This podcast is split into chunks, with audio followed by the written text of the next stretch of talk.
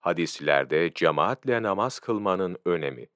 Efendimizin sallallahu aleyhi ve sellem bizlere olan emir ve vasiyetlerinden biri de şudur.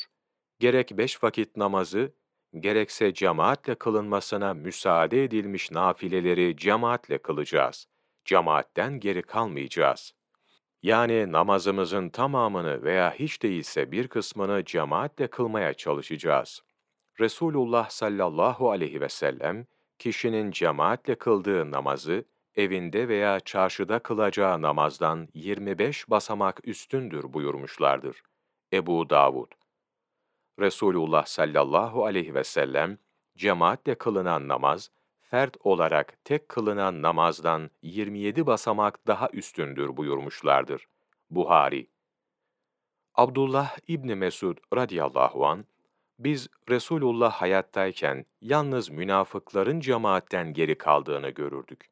Öyle ki cemaate gelemeyecek kadar bitkin olan kişi bile iki kişinin kolları arasında yalpalayarak getirilir, safa bırakılırdı.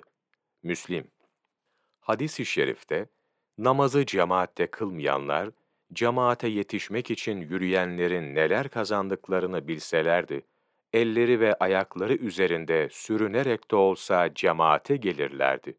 Taberani Kişi namaz abdestini güzelce alır, cemaatle namaz kılmak için mescide gider de, cemaati namazlarını kılmış bulursa, Hak Teâlâ o kişiye cemaatle orada namaz kılmış ve olanların ve orada bulunanların sevabı kadar sevap verir. Bununla beraber cemaatin sevabından hiçbir şey eksilmez.'' Nesai Resulullah sallallahu aleyhi ve sellem, kişi mescide gelir, cemaatle birlikte namaz kılarsa, günah ve kabahatleri affolunur. Yine kişi mescide geldiğinde, namazın bir kısmının kılındığını, bir kısmının da kılınmadığını görür ve yetişebildiğini cemaatle kılıp, kaçırdığı rekatları tamamlarsa, günah ve kusurları yine affolunur.